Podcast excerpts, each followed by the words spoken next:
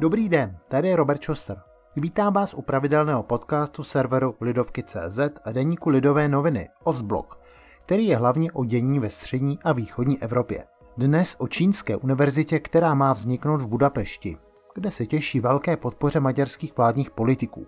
I když Viktor Orbán a spol rádi připomínají své zásluhy na porážce komunismu, nová vysoká škola bude velmi bedlivě kontrolována právě čínskými soudruhy. Příjemný poslech.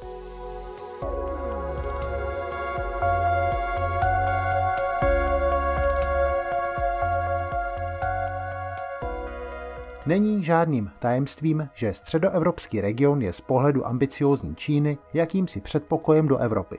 V globálních plánech prezidenta Xi Jinpinga na vybudování nové hedvábné stezky přitom hrají státy, které byly desítky let na špatné straně železné opony, klíčovou roli. I po 30 letech od pádu komunismu stále lační po nových dálnicích, železnicích, mostech nebo přístavech.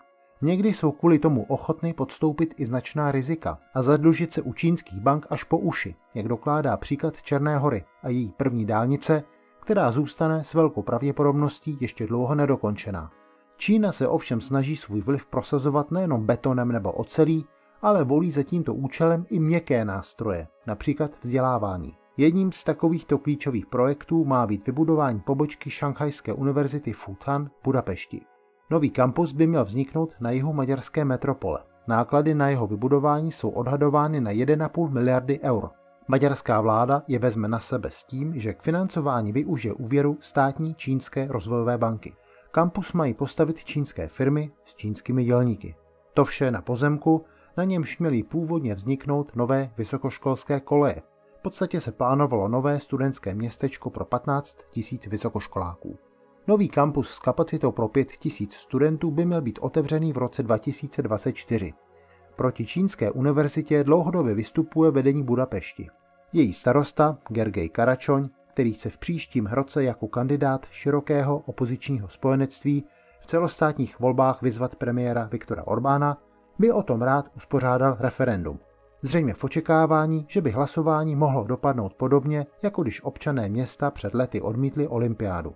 Orbánova vláda tvrdí, že Čínská univerzita je prestižním projektem, který podtrhne roli Maďarska jakožto země podporující vzdělanost a že o politiku vůbec nejde. Je ale nápadné, že zástupce Maďarska před měsícem zablokoval společné prohlášení ministrů zahraničních věcí Evropské unie odsuzující postup Číny v samozprávné provincii Hongkongu, kde dochází již přes rok k systematickému odbourávání demokratických principů.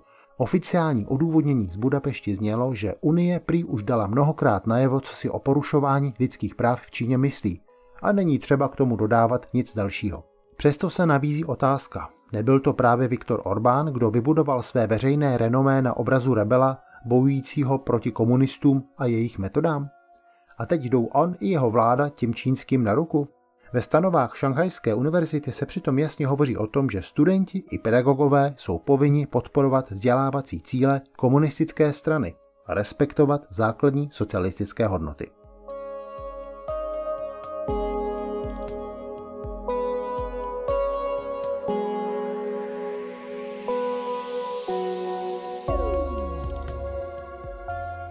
Nejenom tento, ale i všechny další naše podcasty, například Kulturní války, Arena nebo Světový podcast, najdete na webu Lidovky.cz a na obvyklých platformách, jako jsou Spotify, Apple či Google Podcast. Budeme rádi, pokud si je poslechnete a budete je případně sdílet a doporučovat dál.